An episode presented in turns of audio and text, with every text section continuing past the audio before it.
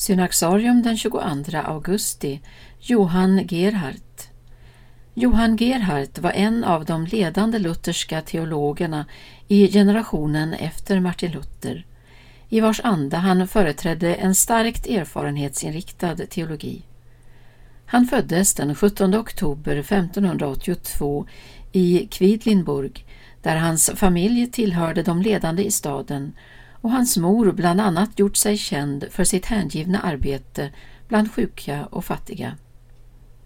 Gerhardt kände tidigt en stark dragning till ett djupare andligt liv och efter att ha genomgått en sjukdomskris i 15-årsåldern gav han ett löfte att viga sitt liv i Guds tjänst.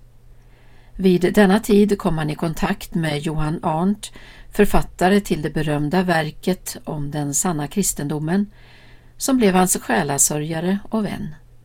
Arndt kom att spela en viktig roll för Gerhards utveckling och deras vänskap blev livslång. Trots sina ursprungliga planer att studera teologi ägnade Johan Gerhardt först två år åt studier i medicin, precis som Arndt hade gjort, innan han sedan återupptog sina teologiska studier. Det gjorde att han kunde bistå med både medicinska och pastorala råd. År 1605 höll han sin första predikan i en liten by utanför Jena där han studerade. Han fick nu allt fler förfrågningar om att undervisa och erbjöds 1610 en professur vid universitetet i Jena.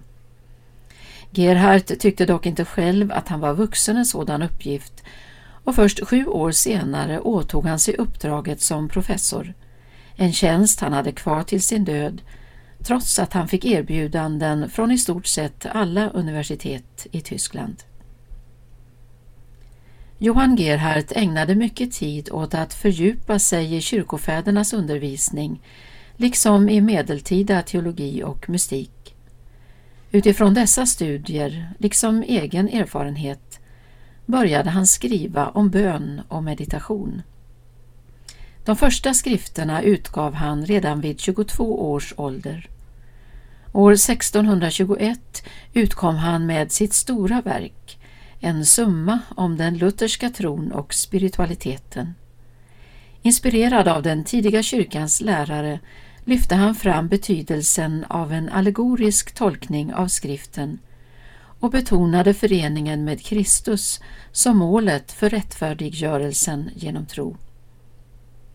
Johan Gerhard kom redan under sin livstid att betraktas som Tysklands ledande teolog. Hans skrifter fick stor spridning med ett bestående inflytande på luthersk teologi. Han avled den 17 augusti 1637 efter att samma dag ha tagit emot nattvarden en sista gång.